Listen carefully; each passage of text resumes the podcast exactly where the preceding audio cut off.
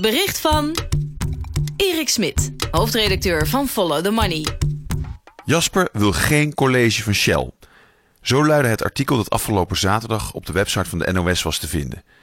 Volgens de Groningse student Jasper Been is het de hoogste tijd voor een fundamenteel gesprek over transparantie en democratie aan de universiteit. En daarom heeft hij met 60 andere studenten de Democratische Academie Groningen opgericht.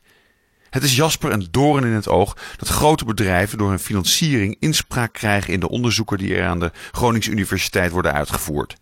De zogenaamde Energy Academy, waar de Rijksuniversiteit Groningen bij is aangesloten, doet onderzoek naar de energietransitie, maar wordt uitsluitend gesteund door bedrijven die belang hebben om die transitie te vertragen. Hetzelfde doet zich Rotterdam voor.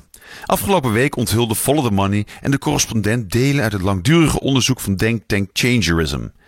Daaruit blijkt dat bedrijven als Shell en ING in staat zijn om het curriculum van de vermaarde Rotterdam School of Management van de Erasmus Universiteit te bepalen. Hoogleraren leveren zelfs op bestelling onderzoeken die ingezet kunnen worden om overheidsbeleid te sturen. Zolang dat transparant gebeurt, valt het nog te billijken, maar dat is niet het geval. De agendas van de bedrijven die invloed uitoefenen op de Nederlandse studenten liggen niet open en bloot op tafel. Het wordt hoog tijd dat daar verandering in wordt gebracht. De universiteit hoort een plek te zijn waar vrije, kritische geesten zich kunnen ontwikkelen. Niet om er heimelijk tot gewillig personeel van het grootbedrijf te worden gekneed. De Sublime Berichten. Maandag tot en met vrijdag om half tien. Experts uit alle hoeken van de samenleving met een frisse kijk op de wereld.